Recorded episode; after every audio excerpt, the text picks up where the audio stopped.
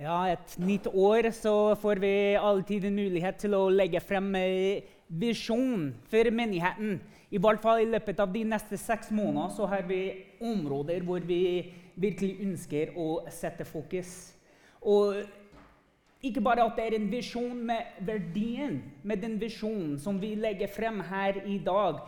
Det blir noe som er viktig ikke bare for meg som leder menigheten, men for alle som tilhører menigheten vår, og tenker hva kan vi selv gjøre for å bygge Guds rike gjennom Pinsekirka Heimdal? Og jeg syns at jeg er veldig heldig, spesielt jeg hver søndag. For det, det, pleier å være noen barn som sitter eh, på første rad, Og det er liksom et veldig godt eh, mønster som de kommer seg inn i og vane. Men eh, jeg får alltid liksom å se på dem der som lovpriser Gud hver eneste søndag. Og her er liksom en visjon, ikke sant? Eh, ikke bare i hodet mitt, men Guds visjon for hans barn, hans familie, hans kirke. At vi opplærer unger fra når de er små, til å tenke på han, til å se på han, til å tilbe han, til å ikke gå bort fra han. Og det var for noen måneder siden når jeg satt her, så uh, tuller jeg litt med de, for uh, de går ut, og jeg kommer opp, så sier jeg til uh, ei jente som går i fjerdeklassen, at ja, kanskje du vil tale i dag, sa jeg til hun. Og hun sa nei, det skal jeg ikke. Så viste hun notatene og sånn. Ja, men vil du ikke gå opp og prekke i dag? Så sa hun nei, men jeg skal be for deg. Og jeg tenkte herlig herlig at den var tanken hennes. Ikke bare liksom at nei, det skal ikke, det er eller det er for vanskelig. Men hun så oppgaven som jeg hadde, og hun tenkte det som jeg kan gjøre, er å bli med i forbønn for deg. Det skjedde ikke noe mer enn hun sa det, men bare at vi opplærer våre barn, menighetsbarn, og til og med barn som kanskje ikke har funnet sin plass i menigheten ennå. Men vi lærer dem opp i en visjon om hva Gud ønsker for livet vårt. Visjon bringer verdi til livet. For alle som sitter her i dag, til og med omkring rundt i livet vårt, vi ønsker oss verdi og det er Gud som har skapt oss med en verdi. Det er ikke noe eh, ting å tenke for meg i hvert fall, hvor verdien kommer fra. Fordi det er først og fremst Gud som har laget oss som hans barn, som hans skapelser, med en verdi. Det vil si at den oppgaven jeg har, eller den jobben jeg har, de skillsene jeg har, gjør meg ikke noe verdifulle enn andre mennesker. Vi er alle skapt med samme verdien. Men hva vi gjør med den verdien vi har blitt gitt av Gud, det har så mye å si om hvem vi blir. Jeg kan jo bruke den verdien jeg har blitt gitt, til å sette fokus på meg, til å sette fokus på det som jeg syns er viktig, til jeg har lyst til å holde på meg.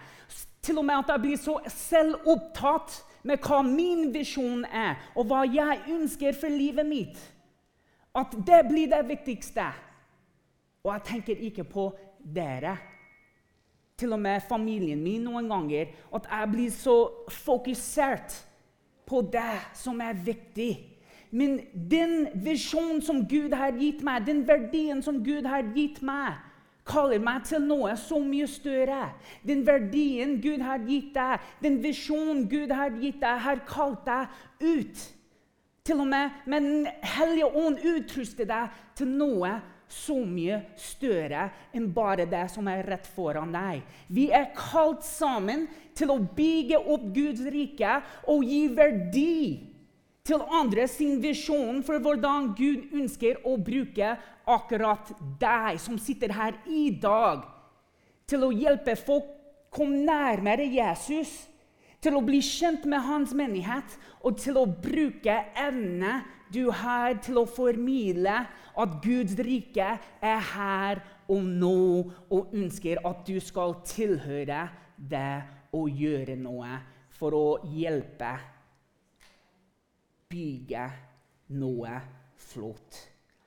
Og visjonen starter ikke med oss.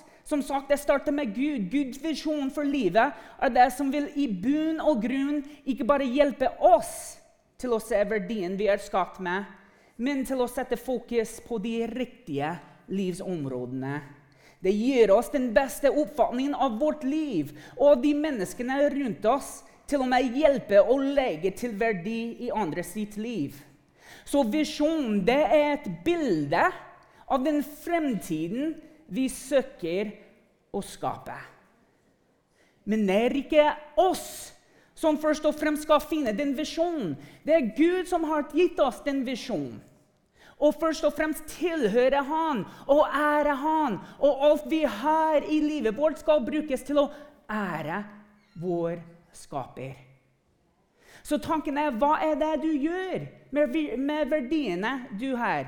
Det som du bruker for å søke Gud, det du bruker for å hjelpe andre finne veien til Gud og bygge opp hans menighet. Hvordan bruker du det i livet ditt her og nå? Hva er visjonen din for livet? Når vi leser i Salomos ordspråk 29,18, så leser vi når folket ikke lærer seg ledd av Gud, vil de gå seg vill. Men den som følger loven, gleder seg. Vi vet at loven var gitt til jødiske folk, og det var ment for å lede folk nærmere Gud og hjelpe dem til å se hva man måtte gjøre for å ha et godt forhold med Han. For oss som er nyfødte kristne, som følger Jesus Kristus, så vet vi han, at han er mellomledd mellom oss og Gud. Det er han som viser oss hvordan vi skal ha et godt forhold med Gud. Det er han som Kirsti snakket om forrige søndag, er visjon. Han er målestaket vårt. Når vi ser på han, så ser vi hvordan vi skal leve livet vårt så ser vi verdien i visjonen vi har, å komme oss nærmere Gud gjennom tjenester, gjennom relasjoner med hverandre, gjennom å tilhøre et fellesskap hvor vi kan snakke med hverandre om livet. Men vi må finne den frimodigheten til å gjøre akkurat det. Fordi det er en verden som kaller oss bort fra det. Det er en verden som sier fokus på det som er viktig for deg, ikke bare for de andre. Du er den viktigste personen i denne historien her. Det er det verden forteller oss her og nå. Men Gud, hans visjon for oss, den forteller oss at vi er ikke den viktigste personen. Det er først og fremst Jesus. Det er budskapet om korset, det er budskapet om oppstandelsen. Det er budskapet om å bli fylt med ånden ånd Jesus har gitt oss, til å leve ut den visjonen Gud har gitt oss, til å bygge Hans rike. Og hjelpe andre mennesker oppleve Jesu nærvær. Det er Gud, det er Jesus, det er kraften av Den hellige ånd som veileder oss i alt som har betydning for dette livet og hjelper oss til å legge til verdi til andre mennesker sitt liv. Som ser at, eller tenker at nei, verdien min den er blitt mindre. Jeg har ikke noe verdi i den verden her. Folk forteller meg at jeg er verdiløs, jeg er håpløs. Jeg har ingenting som går rett for meg. Men du og du og du og meg og Guds menighet har blitt gitt ord og kraft og frimodighet til å forsyne noe helt annerledes for mennesker. Og Kanskje det høres så fjernt ut. Kanskje du tenker det får jeg ikke til å fokusere på i det hele tatt, fordi jeg har så mye annet som skjer i livet mitt nå. Du skjønner ikke situasjonen min. Du kjenner ikke til familien min. Du kjenner ikke til livet mitt. Og det har du sikkert rett i. Men jeg kjenner til én som kjenner veldig godt til hvem du er, og livet ditt og situasjonen din, og hva du opplever akkurat her og nå i dag. Og når vi fokuserer oss på Jesus, så blir vi veiledet nærmere han, og det som var en gang fjernt, blir litt nærmere og realistisk for oss og livet vårt. Nå i jul så fikk alle barnebarn sånne kikkert fra eh, besteforeldre. Og jeg syns det er et flott eksempel av hva vi kan sette vårt fokus på. Så hvis alle tar hendene opp og gjør sånn her, bare lager kikkert for deg selv Du ser det som er akkurat foran deg. Du må bevege deg litt for å se noe annet, og igjen for å se noe mer. Men hvis du bare står stille eh, på samme sted og ser rett foran deg, da har du bare ett ting, egentlig ett fokusområde. Og kikkert viser fjerne objekter med en forstørret synsvinkel, slik at det syns nærmere. Og det er det Guds ord gjorde. Det er det Jesus gjør for oss. Det som var en gang fjernt, det blir satt i fokus for oss. Jesus hjelper oss til å dra nærmere Guds visjon for livet vårt. Så når du tenker 'det får jeg ikke til', 'det er så vanskelig', 'nei, jeg har ikke lyst til det', 'nei, jeg mister mot', så skal du bare ta opp kikkert og fokus på Jesus. Fordi når du begynner å be til ham, når du begynner å i det minste tenke på ham, da kommer den muligheten og kraften Gud har gitt hver og en av oss til å endre perspektivet på ting. Og i minst ta et skritt, et lite skritt nærmere visjonen og hva Gud ønsker for oss og livet vårt. Hva Gud ønsker for oss og menigheten vår. Og kanskje å følge Jesus ser veldig fjernt ut nå i livet ditt, men om du fikser blikket ditt og visjonen for de neste seks månedene La oss bare si at Oi, jeg vet at jeg har ikke fulgt etter Jesus i lenge nå. Og jeg vet ikke hvor jeg skal starte engang. Eller jeg mener at kanskje jeg har eh, hatt noe tilbakefall i livet mitt. Jeg vet ikke om jeg klarer å gå videre. La oss gjøre et mål sammen her og nå at i løpet av de neste seks månedene, uansett hvordan dagen blir, så skal du alltid ta opp kikkert og sette fokus på Jesus. Og ta et skritt nærmere, et skritt nærmere, slik at du kommer til å møte han hver eneste dag, uansett hva livet ditt bringer nå. Det er liksom veldig kjent utsagn valgt nytt år når folk sier ja, det er 2023. Jeg vet ikke hva året bringer. Vi skal se hva året bringer. Det er nesten sånn at vi eh, kaster det opp og la tilfeldigheter skje i livet vårt. Jeg vet at vi kan ikke ha kontroll over alt som skjer i livet vårt, men det er et område vi kan ha kontroll over, og det er om vi skal sette fokus, om vi skal sette spor mot Jesus. Det må hver og en av oss ha en visjon for i dag. Vi samles hver søndag med en forventning at den visjonen vi har av Jesus, skal bli møtt når vi samles i det fellesskapet. Når vi samles som mennesker, så samles vi med store utfordringer, med store seier, med liksom ulemper, med store fordeler. Men vi samles til den samme Gud som sier at vi tilhører Han, og Han har gitt oss en verdi og visjon for den er så viktig. Samling og samlinger hver søndag er ikke noe vi skal krysse av. Samlinger hver søndag, gudstjenester hver søndag, er noe vi skal glede oss til. Fordi her får vi møtes som knuste folk. Som folk som er fylt med glede, som folk er fylt med sorg. Og heie på hverandre og tilbe Gud sammen. Så kanskje du vil være mer sjenerøs. Kanskje du vil være mer gledelig, mer til stede, mindre sint, mer villig. Og her er bare noen ting som jeg har skrevet ned, som jeg ønsker å liksom, jobbe med i løpet av 2023. På nyttårsaften så satt vi rundt bordet og så snakket vi litt om hvor vil du ha fokus i 2023 til barna mine. Og så, det var eh, litt flytende og visste ikke helt hva man skulle ha litt uh, fokus på.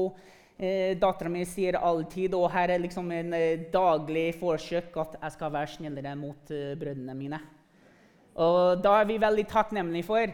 Men så fikk jeg spørsmål. Hva er det du skal jobbe med, pappa? Og da tar jeg ut mobilen, og da har jeg en kjempelang liste av de tingene. Og de blir litt overraska. Men vi må tenke litt på hvor er de livsområder at vi ønsker å utvide og bli bedre på i løpet av det året. Det er ikke et uh, nyttårsfortsett. Her er en visjon for hva vi ønsker å gjennomføre i løpet av året. Da vi setter noen mål for oss selv, kan vi gå til Gud at i dag vet du hva, jeg, jeg blir litt sint, jeg blir litt irritert. Hvis du ikke kommer inn i den situasjonen nå, så skal jeg bare fortsette med det. Fordi det er mønsteret mitt. Det er liksom veien jeg går. Du må gjøre noe nå. Og akkurat kan jeg love dere at når du begynner å sette fokus og ha den visjonen for hvem Jesus er i livet, så kommer noe over oss. Vi må kjempe mot eh, liksom, menneskeligheten. Vi må kjempe mot eh, kjøttet som eh, er inni oss og ønsker å gå mot Gud og hans ønske og visjon for livet. Men når vi setter fokus på Jesus og ber han akkurat der og da inn i situasjonen Gjør noe, vær så snill, hjelp meg. Hjelp meg å lukke munnen. Hjelp meg å få noen nye tanker åpne øynene, og så plutselig OK, her er en sånn restart. Hva kan jeg gjøre? Hvordan kan jeg samarbeide i Guds kraft for å gjøre noe bedre ut av den situasjonen som er nå? Og jeg lover at det høres så fjernt ut for meg å begynne å tenke det, og det høres litt rart ut som en eh, pastor og som eh, åndelig veileder og sånne ting, men jeg ønsker å være ærlig om hvordan jeg har det i livet mitt. Jeg ønsker å bekrefte for dere at jeg er akkurat som dere.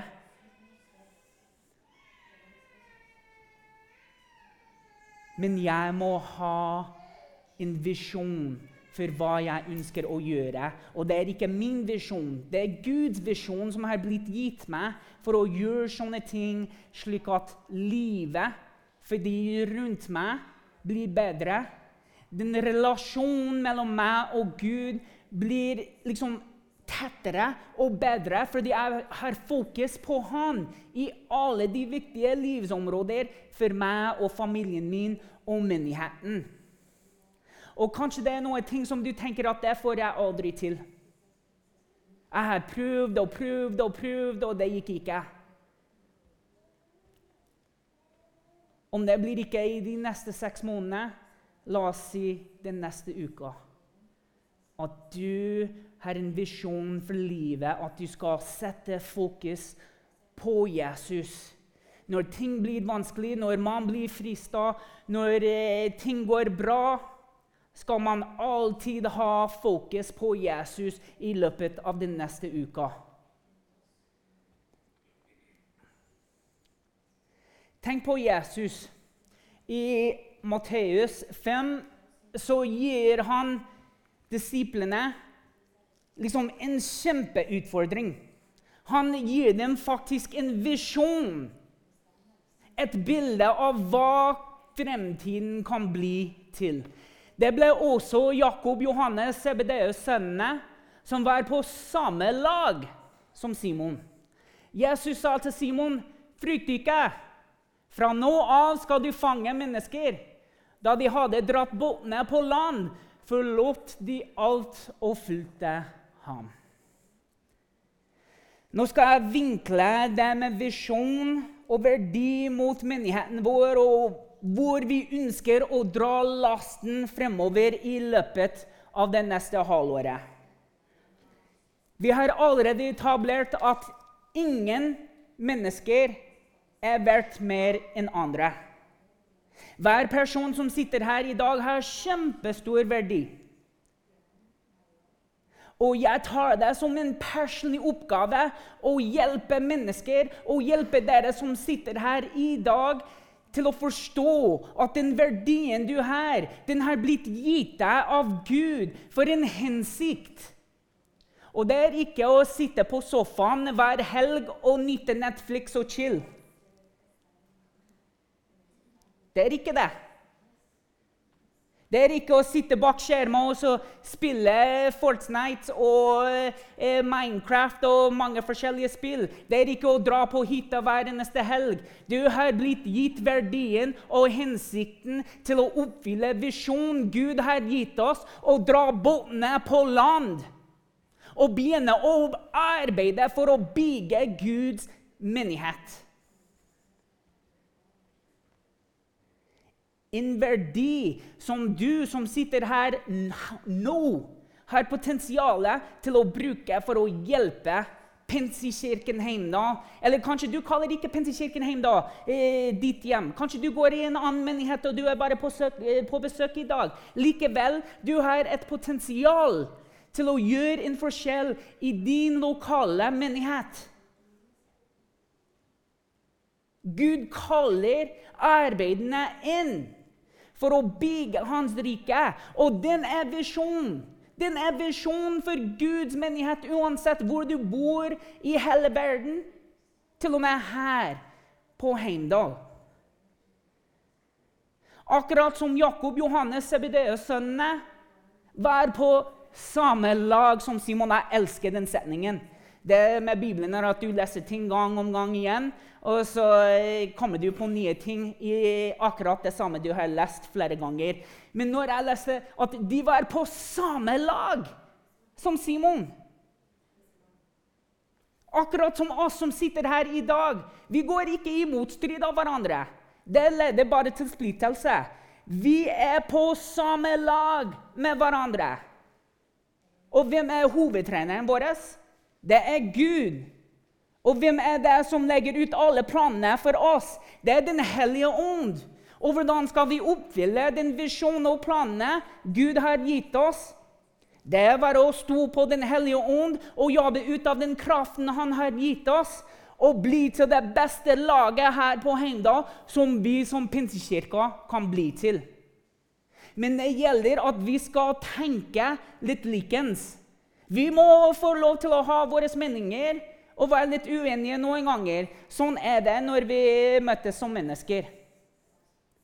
Men når vi har Gud som øverstepresten, eller Jesus som øverstepresten, og Den hellige ånd som fyller oss med glede og tanker om at vi skal gjøre det her sammen, uansett hva fremtiden bringer oss, da har vi noe å jobbe med å gå ut fra. Så vi trenger deg. Og jeg snakker til hver og en som sitter her i dag, og dra båten din på land i 2023 og være med på vårt lag og på disse områdene. Og det første er å styrke åndslivet her i Pensekirka Heimdal. Det er et stort fokusområde for oss å forsterke åndslivet her i Pekko. Vi har liksom et godt åndsliv, men vi kan ikke eh, være fornøyd med det åndslivet vi har. Vi kan ikke bare la det være. Vi må snakke om det, vi må bygge det opp. Og det står i Hebreerne 4, 14-16. Siden vi har en stor øverste press som har gått inn gjennom himlene Jesus, Guds sønn. Så la oss holde fast ved bekjennelsen. For vi har ikke en øverste prest som ikke kan lide med oss i vår svakhet, men en som er prøvet i alt på samme måte som vi, men uten synd. La oss derfor frimodig tre, eh, tre fram for nådens trone, så vi kan finne barmhjertighet og finne nåde som gir hjelp i rette tid. Å bygge åndslivet for meg, og jeg håper for de fleste av dere, starter med det bønnelivet.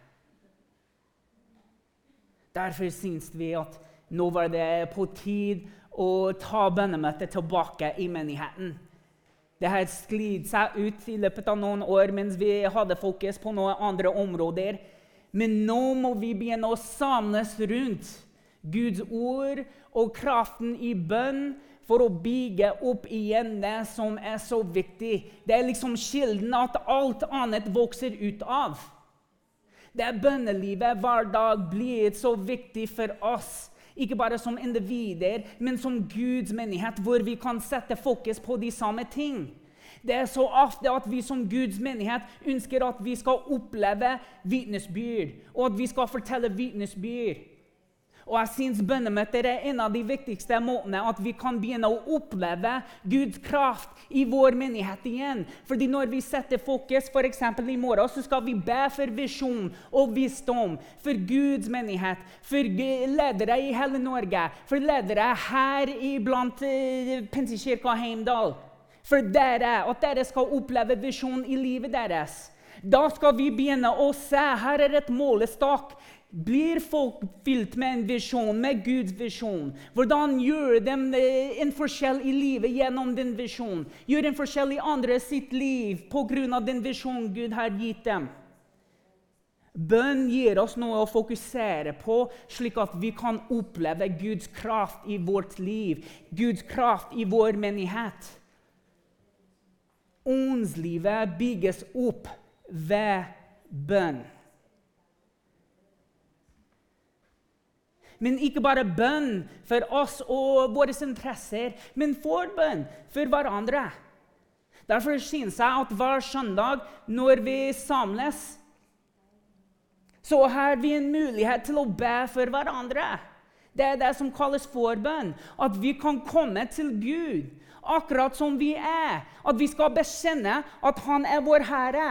Han har eh, kontroll over alt som skjer. Vi får ikke en som kan ikke lide med oss i vår svakhet. Han vet akkurat hvem vi er. Bibelen forteller oss at vi skal fortelle hverandre våre synder. Og vi skal be for hverandre. Det krever at vi må være litt sårbare med hverandre. Og jeg syns menigheten har vært litt dårlig på den måten at vi liker å på en måte gi kjeft fordi du har eh, ikke eh, oppfylt kravet av Guds menighet til å være det mennesket som eh, du er akkurat her og nå. Uansett du lever med Jesus.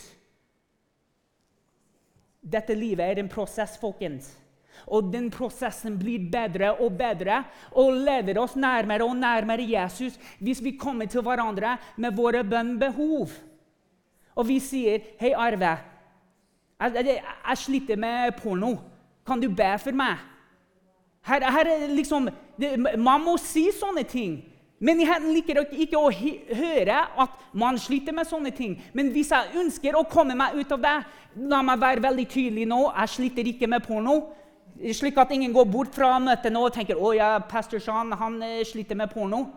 Men vi må være åpenbare med veldig tøffe samtaler noen ganger. Tøffe kamper som vi har inni oss. Jeg sliter med å bli sint hver dag. Jeg sliter med ting. Eller jeg har en kjempestor avgjørelse å ta.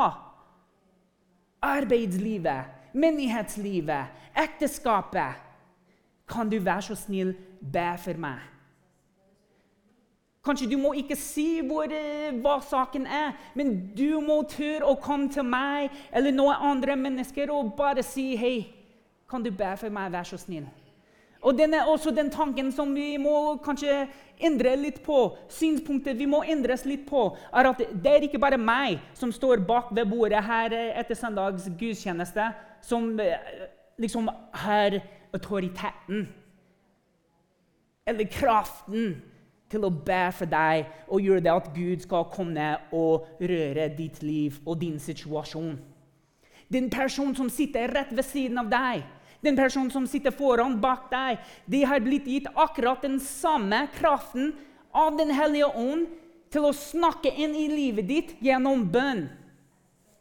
Åndslivet bygges opp ved bønn. Åndslivet forsterkes ved å be for hverandre.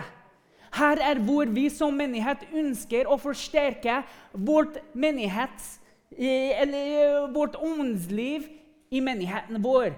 Bønn, forbønn. Og her er arenaet for åndelig vekst. Og allerede har vi muligheter til å gjøre det. I dag så skal vi ha forbønn. I morgen skal vi ha bønnemøte. Nå kan vi allerede begynne å være med på den visjonen vi har for det neste semesteret her i Pensekirka, og bygge den opp sammen. Fra den dag vi fikk høre dette, har vi ikke holdt opp med å be for dere. Vi ber om at dere må bli fylt av kunnskap om Guds vilje og få all den visdom og innsikt som Ånden gir. Paulus skrev dette til en menighet i Kolossia. Han ønsker at de skal bli fylt av kunnskap om Guds vilje.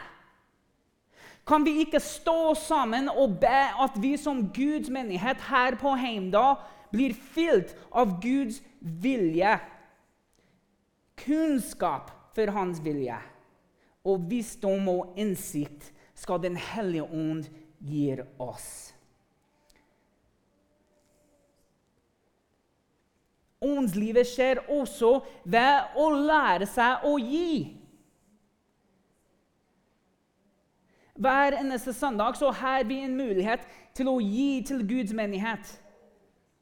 Vi ønsker å ære Gud med alt vi har.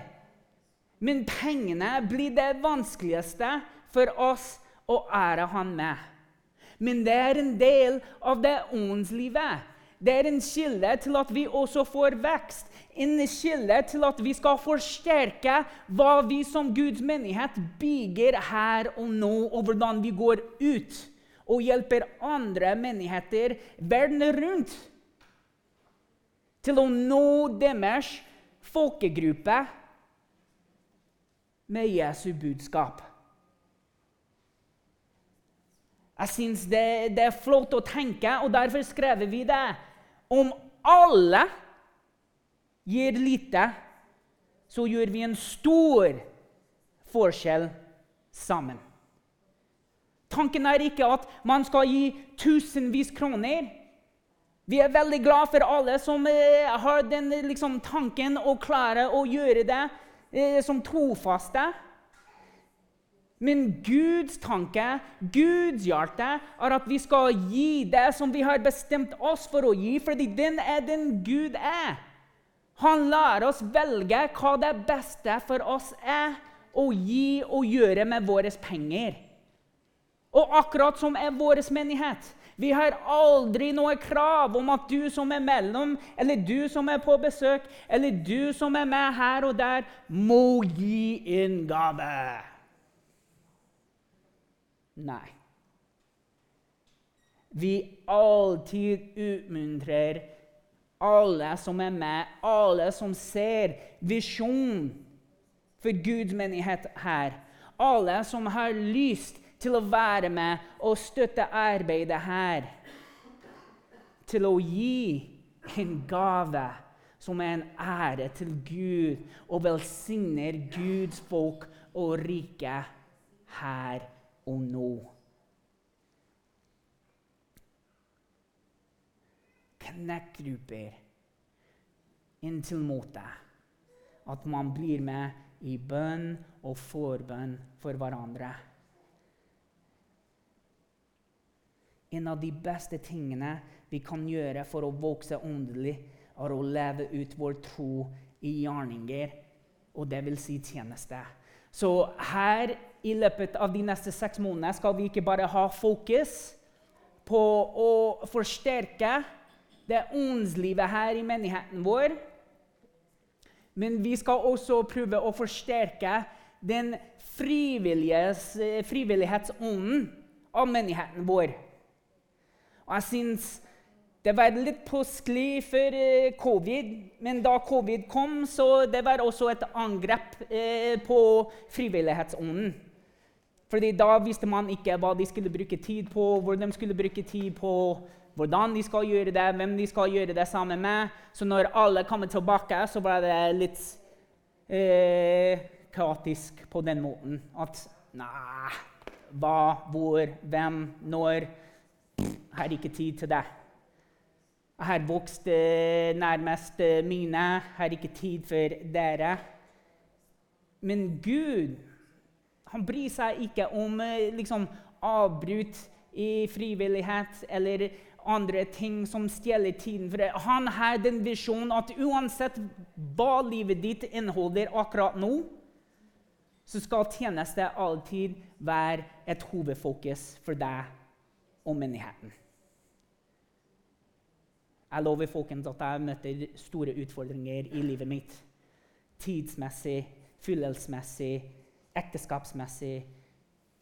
You name it. Jeg har opplevd det.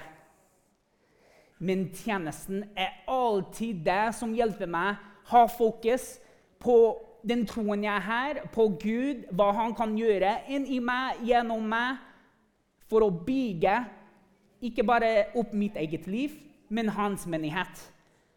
Jeg kaster tråd i mange forskjellige steder for å se hvem er klar for å skape relasjoner og gjøre ting sammen. Jeg ønsker å tjene deg. Jeg ønsker å bruke tid sammen med deg. Bygge deg opp. Fordi jeg hadde en Guds visjon for livet mitt om å være menneskefisker. Da skal jeg gjøre det jeg kan for å legge verdi til livet ditt. Men man må også være åpen for å være på samme lag. Og det er vi. Hva hjelper deg, søsken? Om noen sier at han har tro når han ikke har gjerninger, kan vel troens frelse ham? Sett at en bror eller søster ikke har klær og mangler mat for dagen, og en av dere sier til dem, 'Gå i fred, hold dere varme og spis dere mette.' Hva hjelper det dersom dere ikke gir dem det kroppen trenger? Slik er det også med troen i seg selv, uten gjerninger er den død. Kanskje vil noen si, 'Du har tro, jeg har gjerninger.' Vis meg din tro uten gjerninger, så vil jeg ut fra gjerninger vise deg min tro.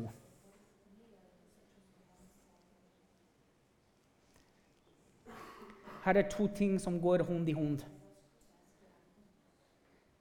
En tro fører oss til å ære Gud ved å gjennomføre gjerninger. Og det skjer ut Det ser forskjellig ut fra menneske til menneske. Men alt har det samme prinsipp. Og det er at tjeneste det bygger fellesskapet mellom Gud og mennesker, og mellom mennesker. Når vi tjener mennesker, gjør vi det for å bekrefte at vår tro finner sted i livet vårt. Det spiller en sentral rolle i livet vårt. Jeg var på julebord eh, rett før jul, og så Selvfølgelig. Eh, og det kom et spørsmål. Tror du faktisk det du sier du tror på? Jeg vet at du er en eh, prest, men tror du virkelig på det du snakker om? Jeg var nesten uh, begeistra for spørsmålet. Jo, selvfølgelig tror jeg på det. Selvfølgelig tror jeg på det. Og gjennom mine gjerninger har de sett faktisk fordi da uh, gikk samtalen videre at fordi hvem jeg er, er ikke knyttet til akkurat de gjerningene. Hvem jeg er, er knyttet til Gud, som driver de gjerningene som jeg gjennomfører hver uke. Jeg blir helt utslitt hvis jeg tenker at jeg skal bare gjøre det for min egen godhet. Jeg gjør det for Guds godhet Fordi han er god mot meg, han er god mot dere. Hva er det dere gjør med hans godhet? Hvordan tjener dere andre mennesker for å bekrefte at troen finner en sentral rolle i livet ditt? Så å bygge opp tjeneste og frivillighetsånden her i menigheten har ingenting å gjøre med at vi trenger folk å fylle en rolle her i menigheten.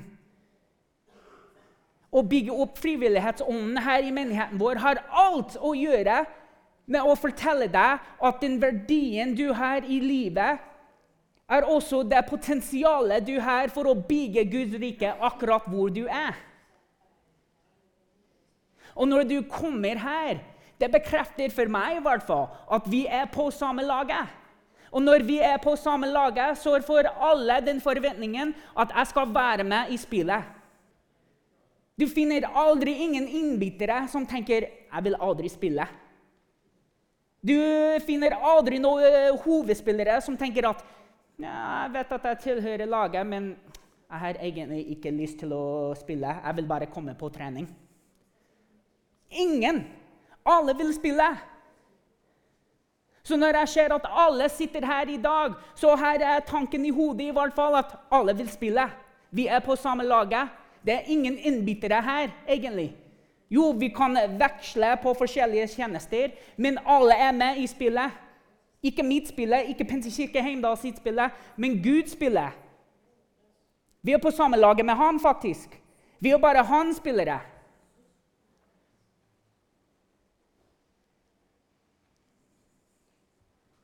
Og det handler ikke om egne prestasjoner og kraft. Det er ikke noe vi gjør alene. Vi møtes opp hver gang og gjør ting sammen. Når vi ser rundt rommet, og Guds budskap går tvers alle nasjoner og språk og alder, eh, aldrene og generasjoner, alt mulig, tvers alt mulig Vi ser at det bygger fellesskapet blant hverandre. Jeg ønsker å bli kjent med de som kommer fra andre land. Jeg ønsker å bli kjent med de nordmenn som kommer her i kirka vår. Og noen ganger kan vi føle oss litt utenfor. Vi er utenfor gjengen, vi er utenfor gruppen. De ser ikke meg, de hører ikke meg. Ikke misforstå meg nå, vær så snill. Men kanskje det har mer å gjøre med deg enn med gjengen og gruppen og kirken og menigheten. Hvor er det du kjenner? Hvilke grupper tilhører du? Hvor mye av deg selv gir deg til menigheten? Fordi det er der i tjenestene, det er der i gruppene, det er der blant eh, folkeslagene som er representert her i menigheten vår, hvor vi finner det er fellesskapet med hverandre. Og tjenestene som vi tilbyr her i menigheten, og går ut og tilbyr her området vårt, har så mye å si om hvordan vi vokser sammen som venner. Og folk som eh, ofrer livet i tjeneste for Gud. Og tjeneste og frivillighetsånden, det, det, er ikke en plikt.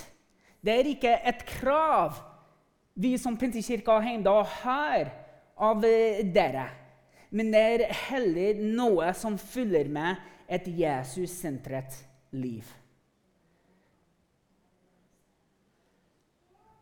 Når man sier at jeg følger etter Jesus, så sier man også at jeg kjenner Jesus og hans menighet og hans tilfølgere eller etterfølgere. Det er oss. Så vi har eh, et mål foran oss her.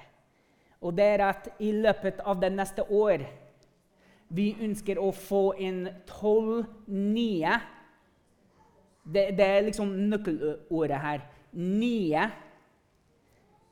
folk som ønsker å tjene her i menigheten vår. For meg det er liksom én person hver måned. Og jeg regner med at det er noen folk som sitter her i salen her og nå, som ønsker å være med i en tjeneste. Om du sitter her i dag og du tenker jeg ønsker å være med og bidra med noe her i menigheten. Kanskje du vet ikke. Vi har mange forskjellige ting man kan gjøre. Fra musikk til eh, barnekirka, til ungdommene, eh, til kirkekaffe. Mange forskjellige ting. Lyd. Hvis du bare tenker at 'jeg vet at jeg har den frivillighetsånden, og jeg ønsker å tjene her i menigheten', så kan du møte meg ute i foajeen etter uh, gudstjeneste.